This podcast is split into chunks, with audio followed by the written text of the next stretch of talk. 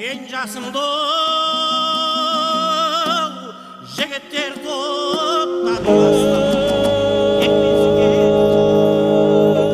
арқалы таудың шыңындай алқалы топтың туындай болған жыршы жыраулар жайлы білгіңіз келсе қошан мұстафаұлының інжу маржан хабарын тыңдаңыздар.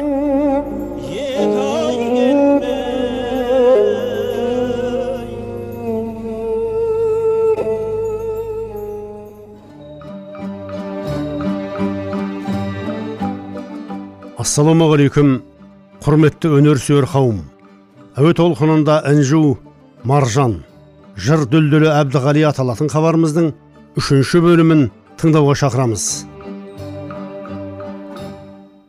Әбдіғали сариев алматы облысы жамбыл ауданы амангелді атындағы кеңшарда дүниеге келген. Сүйінбай жамбыл дәстүрінде тәлім алған ауыл мектебінде оқып сауатын ашады ұзынқарғалы болысында комсомол ұйымының қаракестекте ауылдық кеңестің хатшысы болып коллективтендіру сауатсыздықты жою науқанына қатысады. Ауылдық жер бөлімінде қамсыздандыру мекемесінде есеп қисап жұмыстарын істейді. Өлеңдері алғаш. 1924 жылы жетісу облыстық тілші газетінде жарияланады. Содан бастап 40 жыл бойы аудандық облыстық газеттерден қол үзбейді. Ақыл қайда ой қайда оқып білім таппаса рахат қайда жан қайда тіршілігің жоқ болса соқырға жол бола ма жетелеп қолын тартпаса. Наданға ой қайда бар білгендер ақыл айтпаса деп шолақ басшыларды сөзімен түйреп отырады. 1930-43 жылдары халық ақындарының республикалық айтыстарына қатысады. Өлең жыр толғау дастандарын ауызекі шығарып өзі қағазға түсіріп отырған. Қарасай саурық асу алатау майданы қойшы капитан гастелло атты дастандар жазады. Капитан гастелло дастаны орыс тіліне аударылып үнтаспаға жазылады. Өлеңдер жинағы 1951-76 жылдары жеке кітап болып шығады.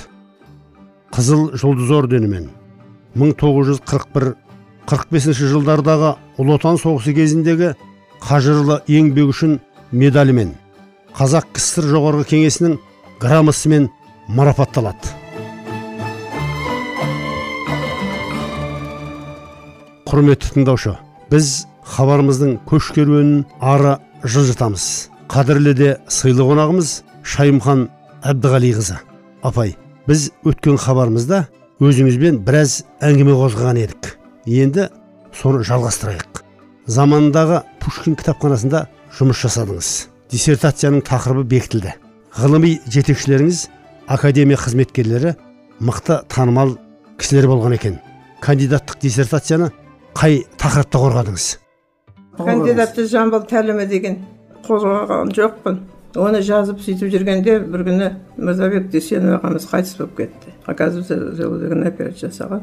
Сосын кейін көбейменен сөйтіп бүйтіп бүйтіп жүргенде бір екі үш жылдан кейін көбей қайтыс болып кетті. Сонымен менің жұмысым тоқтап қалды. Бірақ мен оны ақындардың қалқа жапсарбаевтың қаскелеңнің ақыны. Туған күндеріне газеттерге жіберіп тұрдым. Сөйтіп жүргенде өзім ауырып қалдым.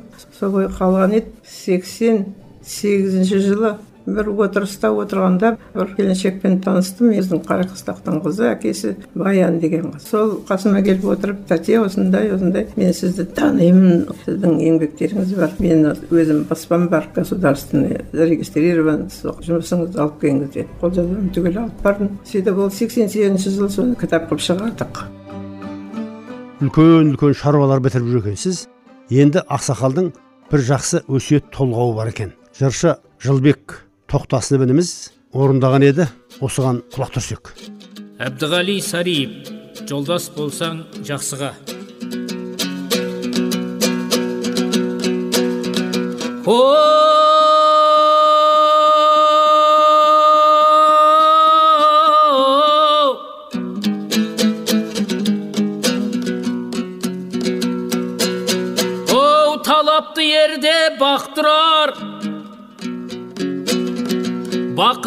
бақытты ерде ат тұрар. Ақылсызға мал бітсе пейілің құдай ап тұрар өзіне өзі қимайдау барда болса жоқ тұрар. Жолдас болсаң жақсыға айтқаныңа нақ тұрар. Жолдас болсаң жаманға бір бәлеге соқтырар әділ туған жігіттің астында аумай тақ тұрар басшылық істеп халыққа тура жолға сап тұрар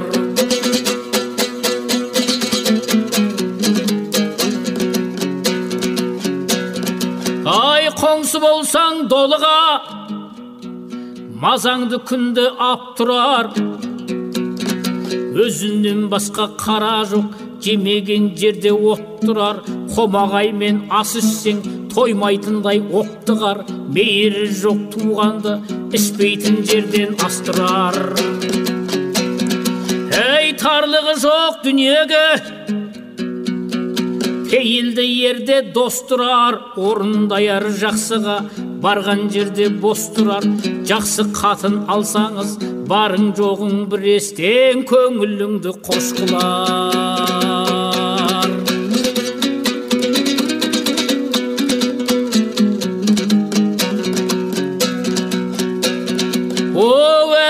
Кілсе араға досыңды әкеп қас қылар.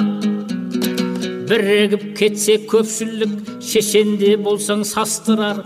Қолынан кетсе құрақшы көңілің төмен пәс қылар дәрия болып тасымас тастақ жерде қақ тұрар.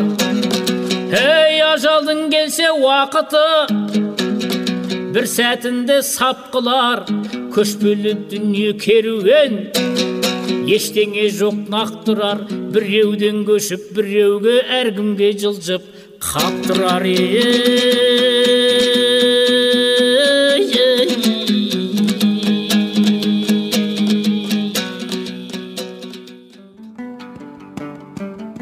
апай енді қарап отырсақ ақсақалды кезінде совет өкіметі бағалап жақсылап марапаттаған екен. Өзінің туған жерінен құрметтеулер болды ма? Тоқсаныншы жылы ма? Папамның тоқсан жылдығын ауылда жасап берді жақсылап. Ана тоққожа естен. Бір күні өтінішімді жазып тоқсаныншы жылдың январында апарып беріп он бесінен кейін бардым. Барып едім. Сіз кімді іздеп жүрсіз? деді. Мен осындай өтініш жазып әкеп едім соны білейін деп едім әкімге деп едім. А қазір қазір деп бір жақта сол кімді әкелді. Сен қыз отыра тұр отыра тұр мен әкімге барып келемін деп әкіміне барып қайтып келді. Келгеннен кейін маған сенің ауылыңда қаракөстекте мен мектептің директоры болып істегемін бәлен жыл. Елу жылдан бері ол жерде жақсылық ешқандай болған жоқ. Әкеңнің тоқсан жылдығын жасап береміз жақсылап тұрып жасаймыз деді жұрттың көңілін көтеріп сондай сосын кейін жасап береміз жасаймыз. Сосын телефоныңды бер деді қаланың телефоны жұмыстың телефонын бердім. Бір күні өзі звондады. Сен кел ақылдасу керек. Сосын келдім сөйтіп едім. Пригласительный билет жасай аласың ба деді. Әрине жасаймын біздің өзіміздің типографиясы бар. Мен ол кезде кітапханадан кетіп қалып книжный палатаға ауыстым. Операциядан кейін маған ауыр көтеруге болмайды деді. Сосын книжный палатаға жұмысқа келдім. Содан отырып өзіміздің баспамыз бар дедім. Біз книжный газетный журналдың летопистерін шығарамыз қазақша орысша. Дедім онда сен маған екі жүз пригласительный жасап бер. Жасап апарып бердім ұзынағашқа сөйтіп мынаның ішінен сен кімді шақырасың? Сен алматының қызы болып кеттің ғой. Академия наукадан газеттің редакторларын анау шерхан нұртаза деген ағаң бар соны түгел түгел бәрін шақыр деді. Соны пригласительный алып алып жазып жазып алматыға бәріне әкеп бердім. Шерхан нұртазаға бірінші апардым. Ол кісі қарап тұрып иә қалқам кімнің қызысың? деді мен айттым аға мен әбдіғали сариев деген халық ақынының қызымын. Мен книжный палатада жұмыс істеймін сізді шақыруға келдім бәлен күнге деп пригласительный қолына ұстаттым. Маған келген адамдар мен кішкене мінезім бар. Келген адамдар маған қорқа қорқа емлеттеп келеді. Өзің бәсе ақынның қызы екенін көріп тұр. Қорықпай келді. Аға неге қорқуым керек? Мен сізден дедім мен сізді шақырып келдім әкемнің туған күніне тоқсан жылдығына. Құда қаласа барамыз рахмет деп алып қалды. Содан не керек? Жинап бүйтіп бүйтіп сосын тоққожа сұрады. Қай күні жасау керек әкеңнің туған күнін деп. Мен айттым біздің день печатиға жасап берші. Тем более дом культуры жаңадан салынды. Деп мақұл деп сол дом культураға жасады. Дәл ертең туған күні тоқсан жылдығын жасаймыз деген енді кешке жақын бармаймын қаладан. Барсам жаңбыр құйып тұр. Қазақ үйдің барлығы су су сосын сол жерде күләштің үйіне қондым міне. Мектепте баяғыда бірге оқып едік зорға келдім су су болып ойбу су су болып сен мынау бір әкеңнің мінезі ғой әкең кейде көл кейде шөл болушы еді. Ойпырмай ертең күн ашық болса жақсы болар еді деді сосын. Сөйтіп ақыры жаттық. Таңертең ойбай шайымхан тұр тұр даланы көр ана жақта базар болып жатыр дом культураның алдында. Керемет. Самовар әкелген ұзынағаштан. Неше түрлерін әкеліп балалардың киімдерін анау мынау бәрін алып келіп керемет болып жатыр давай тұр бар. Содан барсам тоққожа жүр екен. Не көрдің дұрыс болды. Кеше жаңбыр болып еді бүгін күн шығып кетті. Әкеңнің осындай бір мінездері бар еді деп күлді бәрі. Сөйтіп тоқсан жылдығын сол күні жасап берді. Барлығы келді. Телевидение радионы шақырдым. Олар түсірді. Сосын қазақ үйлеріне тамақтан ішіп болғасын ат шабысқа барды. Керемет ат шабыс жасап берді. Сөйтіп сөйтіп папамның тоқсан жылдығын атадық. Бұл бір үлкен шара болды да енді сол әкеңіздің үйінде ұл қыздарынан ұрпақтарынан біреу міреу тұрды ма? Содан келесі жылы 91 жылы мен қалада тұрамын ғой енді. Нижний палатаға жұмысқа баруға. Будильникті жетіге қоямын. Содан таңертең папам түсіме кірді. Шайымхан мен тауда тұрмын жаурап қалдым. Келіп мені алып кетші деді. Ойбай папа сен мұнда неғып жүрсің? Сол жерде тұр мен қазір сені барып алып алып келемін деп будильник шырылдағаннан кейін пысымыла деп ояндым. Папам да жоқ мен өзім сол төрт комната үйде тұрғанмын ботанический жароковада. Бұл шал неге менің түсіме кірді? Сондай мұндай тоқсан жылдығын жасап бердім. Кітаптарыңды шығарып жатырмын деп ойлап ойлап сосын жұмысқа келдім. Жұмысқа келгенде қыздар айтатындары әңгімелер ғой сонымен сосын апай сіз үндемей отырсыз ғой деп біреу сұрады. Мен айттым мен ойланып отырмын не ойланып отырсыз? осындайды осындай сіз енді ойланған нәрсеңіздің бәрін істейсіз есіңізге алсам. Осындай осындай түс көрдім сөйттім бүйттім деді сосын енді не қыласыз келесі суббота ауылға барамын қаракастекке барып ауылдың әкіміне кіремін дедім. Сосын келдім. Сосын мен айттым райса мен осындай кісінің қызы едім дедім тәте сізді танимын былтыр әкеңіздің тоқсан жылдығын жасадыңыз ғой не шаруамен келдіңіз деді ай райса ана біздің жерімізді ешкім алған жоқ па? дедім. Жоқ ешкім алған жоқ деді онда сол жерді маған бергін қанша тұрады? деп сатып алдым. Оказывается ол кезде мен заңды білмедім. Қалады ғой енді. Әкеден балаға. Оны білмедім бірақ қанша тұрады деп едім елу сом тұрады деді. Онда елу сомын келесі суббота әкелейін ана жерімді өлшетіп қағазыңды жазып бер осындай деп келесі субботаға барып ақшасын беріп жерді өлшетіп жиырма бес сотый жерді сатып алдым. Мына сатып алып жүргеніңіз енді өзіңіздің әкеңіздің үйінің орны ғой баяғы? Ол үйдің орны жаңағы жексенбай орынтай деген қосай өзіміздің нағыз туысқандарымызды бұзып бұзып екеуі бір бір комнатаның үйлеріне жалғап алды. Сосын әлгідей болды. Келесі жетіде тағы да ауылға барып папамның басына барып папа осындай осындай қызың келді жеріңді сатып алды. сен енді жаурамайсың мен саған үй салып беремін деп. Сөйтіп термоспен шай ішіп отырғанда орындай келді сен неғып жүрсің? Сені кім шақырды бұл жерге? Мен айттым сендер әкемнің үйін бұзып алып үй салып алдыңдар ғой жексенбай екеуі. Мен бұл жерге келдім үй саламын ақша керек үй салуға. Алатынымыз сексен сом. Сосын мен көп ойланған жоқпын. Төрт комнатада үш комнатка айырбастап ішінен үш жарым мың доллар алып долларында үш жүз бірдеме теңге. Содан тоққожаға келдім. Тоққожа осындай осындай түс көрдім. Әкемнің жерін сатып алдым. Енді үй салу керек бұл жерде сондай адамдар бар ма деп едім иә бізде ырсу бар деген олардың кірпіштері шлакоблоктан жасалған. Барып көргін сосын бірақ сен не қыласың үйді ана двухэтажный үй салып жатырмыз ғой? Содан алып целый этаждарды ала бересің. Мен айттым ғой мен әкем жерін сатып алдым. Сол жерге үй саламын именно фундаментіне саламын әкем түсіме кірді деп. Содан в общем сол жерде салғыздым. Ырсуға үш ай төрт ай қолыма под ключ деп жасап берді. Күзде қайтып келдім қалаға. Келесі жылы апаратын заттарды алып бардым. Диван кресло шифонер анау мынау барлығын апарып креслода отырып рахаттанып кішкентай кезіңізден өскен үйіңіз ғой енді. Мен шешем мен төртінші класс оқып жүргенде қайтыс болған папам бір екі жылдан кейін ба үйленді басқа бір әйелге. Ол жангелдінің адамы болды. Сонымен тұрып аттық. Сосын сегізінші класс оқығанша мен сол ауылда тұрдым. Мен ол жерде сегізінші класс бітіріп кеттім ғой. Одан кейін көрген емеспін әкем өлгенде ғана бардым. Анау түс көргеннен кейінгі жасалған тірліктер ғой бұл енді. Дегенмен жақсы болды. Жерді сатып алдың үйді салып алдың.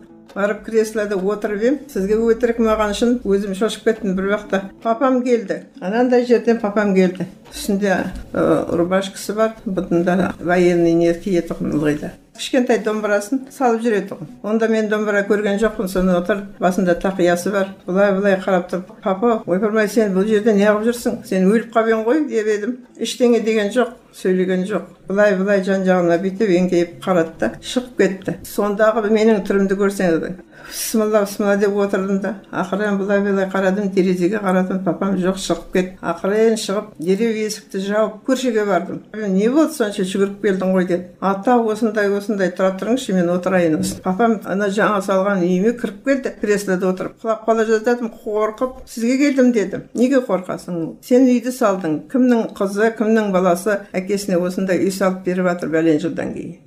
Сені көрейін деп келді қуанып келді сенің үй салғаныңа. Ол жақсылық қызым қуанғын деді сосын. Жарайды ата дедім. Енді онда не істейміз деді. Білмеймін не істейтін күлдім сөйтіп едім. Онда ана қосайларыңа барып бір мал сұрап алғын. Е сатады ма? Соны сояйық сосын құдай тамақ жасап жеңгелеріңе пісіріп құран оқып шай ішейік сосын кейін әкең түсіңе кірмейді деді. Ол қуанды да сенің үйіңді салған деп. Сосын рахмет рахмет деп. Соны көшеде бір тұрлыбек дейтін інім бар еді. Соған бардым тұрлыбек осындай осындай түс көрдім. Соныменен маған сен бір тоқты сатсашы дедім.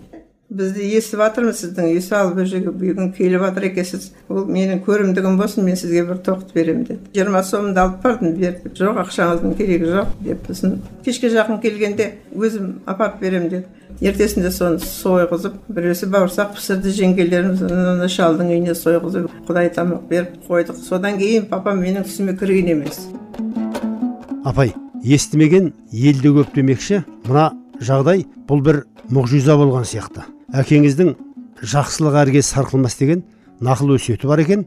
Осы бір әрекеттеріңізге дәл келіп тұрған сияқты. Жыршы жылбек тоқтасыновтың орындауында енді осыған құлақ түрейік. Әбдіғали сариев жақсылық әркез сарқылмас.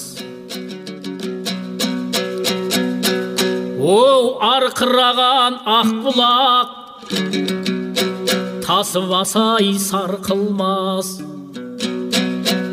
Шөккен тұман өзегі жел соқпасай ашылмас құр батырлық жарақсыз жасанған жауды қашырмас дұшпаныңның белгісі ай қалыптан артып тасымас шын достықтың белгісі арамдық ойлап қас қылмас кеңпейілдің белгісі досыңнан сырын жасырмас. Ақылдының белгісі оу болмас іске шатылмас. Істейтін болсаң бір істі білімді пазбенен ақылдас. Ей көп ұйғарған жұмысқа жалғыз шықпай мақұлдас. Ел үшін жанын қиғандар өлімнен қорқып тартынбас. Жамандық жанға пайда емес жақсылық әркез сарқылмас. Жамандық жанға пайда емес жақсылық жанға әркім сарқылмас. Жақсылық әркез сарқылмас.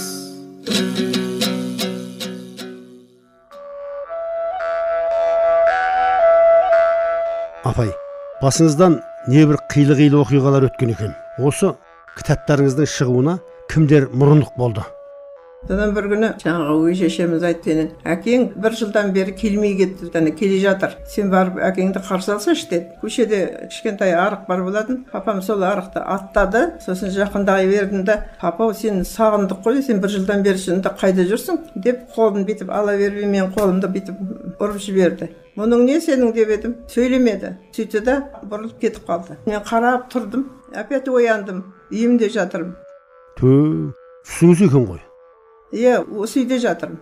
Сосын кейін енді не істеймін енді содан ары ойлап бері ойлап шайымды ішіп отырмын таңертең болады. Кімге звондаймын? Кіммен сөйлесемін содан осы мына нұрланға звондадым. Нұрлан осындай осындай түс көрдім папам менің қолымды қағып жіберді. Келе жатыр екен әлгіде сөйтті кетіп қалды ана үйдің бұрышына айналып дедім. Ой апай ол жақсы ғой. Сізді тағы да тастап кетті ғой енді. Жақсылық болар. Сол сөйтіп жүргенде жаңағы сексен жетінші жылы кітабын шығардық. Нұрлан составитель кезінде ана үмбетәлінің үш томдығын шығардық қой содан кейін барып соның үш томның қасында менің әкемнің архивтері жататын.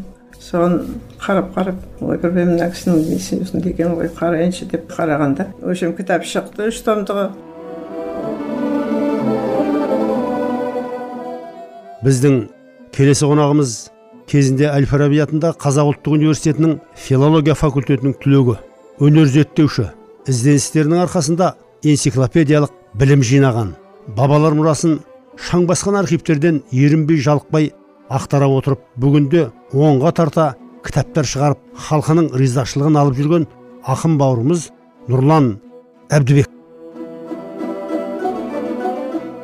Нұрлан мырза сізбен біз бүгінде әбдіғали ақынның мұраларына малшынып үлкен бір қазба байлыққа кенелгендей болып отырмыз. Өйткені бұл ақын атамыз турасынан бұған дейін көп зерттеулер бола қоймағаны радиодан жырларының алғаш берілуі ештен кеш жақсы демекші бұл да бір үлкен жетістік болды. Сізді меніңше құжаты жоқ ғалым десе болғандай екен. Бірақ кешегі бабаларымыз казгуды консерваторияны оқымай ақ қазақтың болашағына құны жоқ дүниелер тастап кетті.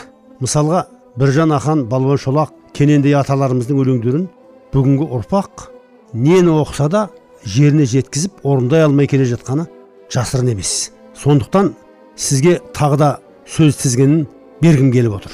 Өзіңіз ақын болғасын әбдіғали ақынның шығармаларымен танысып ауруын қалған екенсіз енді біраз терлеп шер тарқатып алыңыз. Нұреке өзімен тұстас ақындардан бұл кісінің ерекшелігі неде деп ойлайсыз? Өз заманда бұл кісі өз бағасын ала алды ма?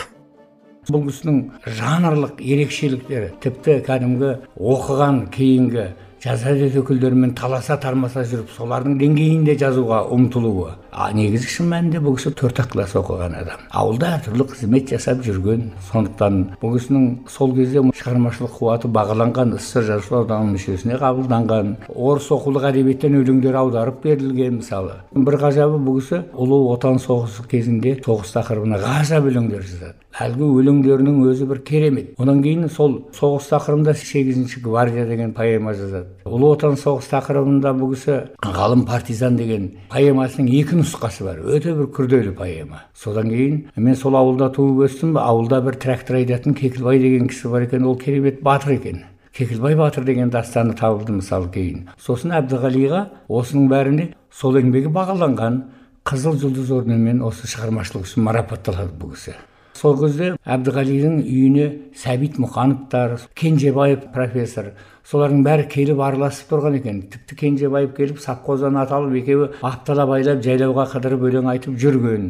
Сол ғалымдармен араласқандығының арқасында бұл кісінің шығармашылық деңгейінің өте жоғары неғылуы солардың ақыл кеңестерін тыңдауы тіпті үмбетәлі аса талантты ақын болғанмен тақырыбын мұндай кеңейте алған жоқ. Әбдіғали сияқты. Әбдіғалидің шығармаларында ұшан теңіз енді үш том дайындадық. Бұл кісі бір жағы нағыз науқаншылдық әдебиеттің өкілі. Бір томы тек коммунистік партия туралы кеңес үкіметінің жетістіктері туралы бір том шығармасын дайындап қойдық. Қазір енді оның көп ешкімге қажеті шамалы дегенмен сол өлеңдердің өзі қандай ғажап. Бар шынайы болмысымен жырлаған. Сол үш томын дайындадық. Мысалы алғашқы томы өзінің шығармашылық ертеңгі күнге баратын өлеңдерін іріктедім. Екінші томы сол коммунистік партия тақырыбындағы өлеңдер. Үшінші томы өз дастандары жырлары айтыстары деген сияқты мысалы. Бұл кісінің жалпы шығармашылық мұрасы өте қомақты. Небір аты шыққан халық ақындарында мұндай ауқымда мұндай табиғатта жырлау деген кездесе бермейді. Бұл кісінің бір ерекшелігі сондай. Бірақ бұл кісі уақытында бағаланбай да қалған адам. Негізі кеңестер үкіметінде естуімше бір отыз қырық мақала жазылыпты бұл кісі туралы ғалымдар жазған. Қазір қызы шайымхан апай соның бәрін жинақтастырып журнал қылып әйтеуір брошюралық жағдайда журналдар соны заказ беріп шығартып жатыр шетінен ептеп. Сосын әбдіғали ақынды ғылыми айналуға қосу керек. Еді оған марқұм тоқтар әлібек көп еңбек сіңірді соныменен қолжазба түрінде алып бәрін пи докторантта жүрген соны қорғайтын адамдарға таратып беріп сосын бір жігіттер келіп диплом қорғайық деп оларға көмектестім. Жалпы бұл кісі қазір ғылыми айналымға еніп келе жатыр. Дәл кезіндегі бұл кісінің анау шаң теңіз шығармашылығы танылмай қалған. Кеңес үкіметі өзінің талабындағы бір шағын шағын нәрселерді ғана шығарған. Шығармашылық немен көтермелеп айтқан кезде әбдіғалидың ғасыры енді басталып келе жатыр мына поэзиядағы. Ол осы мына жетісуда халық ақындарының ішінде жалпы мұндай көркемдік деңгейге жеткен ақын жоқ десе де болады. Мына сіздің көзіңіз көп нәрсеге жеткен сияқты. Басқа үлкен ақындарымыздың ұрпақтарының көңіліне келе қоймас десек те мақұлдауымызға тура келеді. Ұсан теңіз мұрасы өзінің кәдімгі төте жазумен жазып кеткен. Анау бала шағалар ептеп оқушы дәптермен көшірген. Пәлен жыл отырып соның бәрін жазып аудартып неге біраз жұмыс істедік. Енді бір ғажабы бұл біздің қазір әдебиетте қаламақы төленбейді ғой. Сол үш томға бес жыл уақытым кетті ішінен бір томын таңдамалы ретінде келешек ұрпаққа қажет ау деген топтап дұрыстап бір отыз баспа табақ беріп едім соның жиырма бес баспасы жарық көрді. Енді баспа сол бес жылдық еңбек қой былайша айтқанда. Соған екі жүз елу мың теңге қаламақы берді. Бар болған екі жүз елу мың теңге. Сонда қазіргі мына біздің қоғамымыздағы әдебиетке деген қазақтың ұлттық болмысына қатысы бар дүниеге деген көзқарасы мынау. Ол енді кім біледі? Министрлік олай бөліп баспа деп анау мынау әңгіме айта алмаймын мен. Жалпы баспаның бергені оны шайымхан апай архивтің бәрін беріп маған көмектесіп қасымда жүргеннен кейін ол кісі екеуміз жүз жиырма бес мың теңгеден бөлісіп алдық әлгі. Жаңағы жартысын апама бердім. Осындай жағдай. Нұреке бес жыл бойы архивтік құжаттармен жұмыс істеу шаң жұту том том кітап шығару деген ол оңай емес. Кеңестік дәуірді сынға алып отырмыз ол уақытта мұндай еңбек жасаған қаламгерге үш төрт бөлмелі пәтердің кілтін беретін. Сонымен қатар өзіңіз айтқандай кеудесіне қызыл жұлдыз орденін тағып қоятын. Еңбекті бағаламау бұл нарықтық экономиканың жетістігі болар. Жаңа бір сөзіңізде бұл кісінің дастандары туралы сөз қозғап қалдыңыз. Бізге керек тұсы да осы. Енді дастанға да кезек келген сияқты біреуіне түсінік бере кетсеңіз. Мысалы әбілқасен дастан ләззат жанаманова айтып жүр. Әбілқасеннің өз тақырыбы бұл өзі белгілі бір сапарға шығады. Сол кездегі оның ақыл ойының өте бір асып тасып тұрған ақыл ойының ғажаптығы соның бәрі енді үлгі ретінде халыққа жырлаған ғой. Сол дастандардың ішінде мына ләззат қызымыз осыны ұнатып жаттап алған екен осыны осыны айтып жүр мысалы. Осындай бір қазақтың өзінің әдебиетін ауыз әдебиеті өкілдерінің сондай бір деңгейге көтерген шығармалар. Үлкен бір деңгейге жеткізген. Бұл өзі сол кездің адамдарында осы үмбетәліде болсын бәрінде болсын мына араб ертегілерін арабша түсінген қиссаларды жырға қосу деген әбілқасан шамамен сондай үлгідегі дастан мысалы. Ондай үмбетәліде де бар төрт өнерпаз деген сияқты сол дастандар бар. Қанша дегенмен бұлардың халық ақын екенін баяғы өзіміздің қаймағы бұзылмаған жыр дәстүрлердің өкілдері екендігін айту керек. Рахмет нұреке. Ендеше ләззат жанаманова қарындасымыздың да тыныш жетіп отырған сияқты домбырасын қолына алуын өтінейік.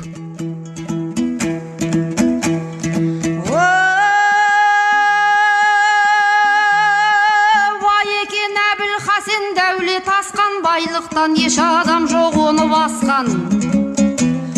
Алтын малының көптігімен халқына әр шаһардың араласқан. Екі үш жыл араға сап мекке барып қасына бірнеше адам жолдас алып мұхаммедтің қабіріне зиярат қып үйіне тұрар еді қайта оралып.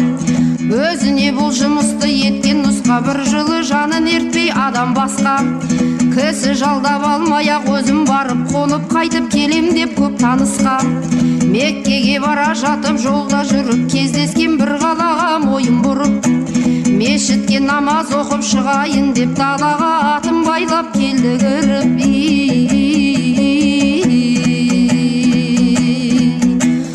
Ай бір адам отыр екен келсе мұнда көрмеген ондай адам бұрын жылда киімінің бәрі жамау бүтіні жоқ қараса түрі жаман алба жұлба мешітте отыр екен жалғыз өзі. Бейнесін өте нашар көрді көзі. Намазын екеуі де болғаннан соң бұл еді ол адамның айтқан сөзі. Әбілғасем меккеге барасыңыз. Арада жол бар ел жоқ бір жапан түз. Жаныңа мені дертіп ала кеткін баралық жолдастасып сізбенен біз сол жерде әбілғасем бұған қарап жоғары мұндай сорлы менімен жолдастасып өзі жаяу меккеге қайтып барады. Сиқы мынау деп ойлап өте жаман ылайық па өзіме мұндай адам? Тең көрмей жолдастасып жүруіне бұл оған шығып кетті қарамастан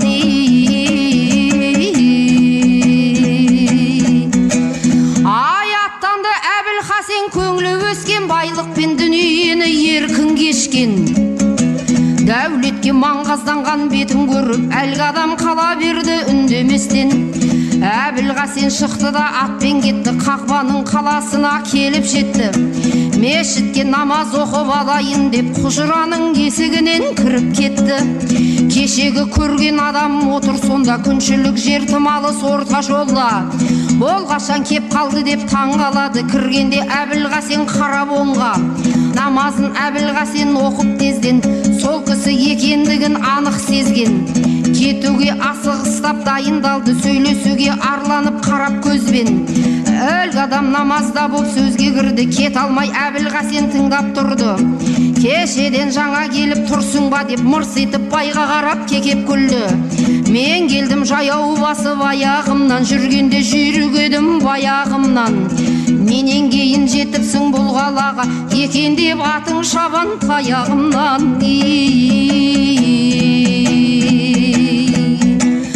ай дегенде ұялғаннан сыртқа шықты сенімді жүрісіне аты мықты.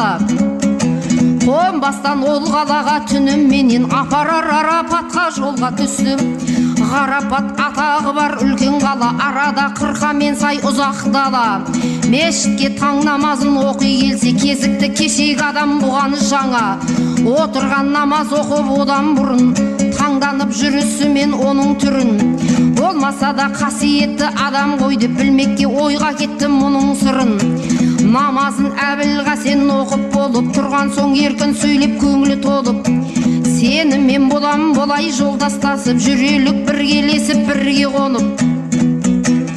Ой дегенде жаңағы адам жауап етті мен жолдас бола алмаймын саған депті. Әңгіме осы араға жеткенінде күн жарып таң сарғайып атып кетті.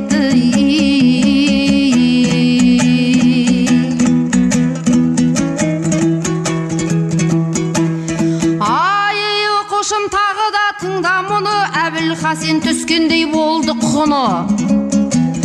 Қапа боп естіген соң мына сөзді ойға кетті тығылып неше қилы сезді де жұпын адам былай деді қайғырғанмен өткені сол келмейді. Қайғырудың болмайды еш пайдасы ақындар былайша деп сөз сөйлейді.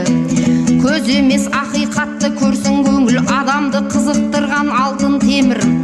Еритін асыл киім жауған қардай киіммен шешілмейді қашанда өмір. Деді де қайрылмастан қалды кетіп қай шаһарға барса да бұрын жетіп. Көремін отырғанын оның барып бірде бір сөйлемедік жауап етіп. Меккеде таппай қалдым барғанымда іздедім кездессе деп әр уағында қайтадан маған ешбір көрінбеді ішімде болды талай арманымда.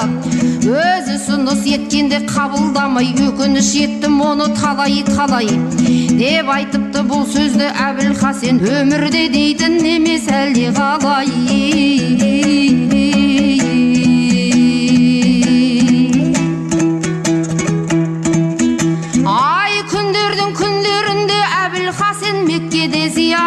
Көңілі бәсең.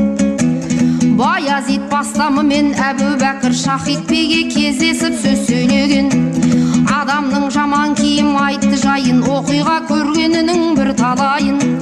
Олар оған сол кезде қатты өкінді әбілғасен таңғалып айтқан сайын.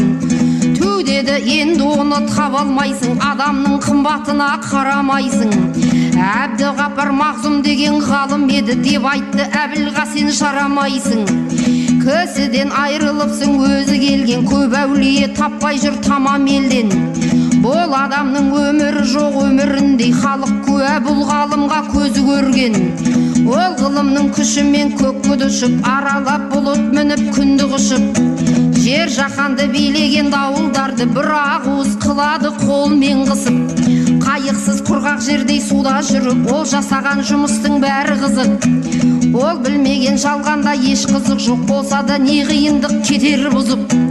Кей кезде күн жаудырар бұлт ойнатып адамды таң қалдырар көп ойлатып. Бір сөзі өмір қазық білген жанға өмірге күн туғызар жарқыратып сен оған кездесіпсің жоқтан ғайып жақсы сөз сөйлеместен көңіл шайып.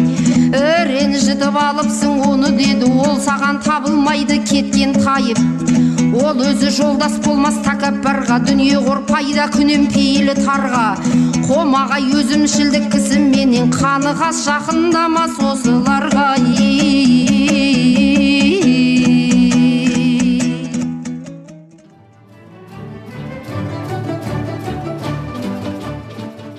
Жыр дүлдүлі әбдіғали аталатын хабарымыздың үшінші бөлімін осымен түйіндедік. Қатысқан қонақтарымыз жазушы шайымхан әбдіғалиқызы өнертанушы ақын нұрлан әбдібек республикалық жыршы термешілер байқауларының лауреаттары жылбек тоқтасынов ләззат жанаманова.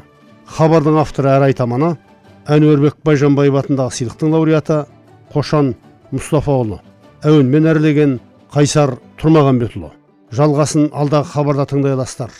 Әуе толқынында келесі тілдескенше бас аман бауыр бүтін болсын ағайын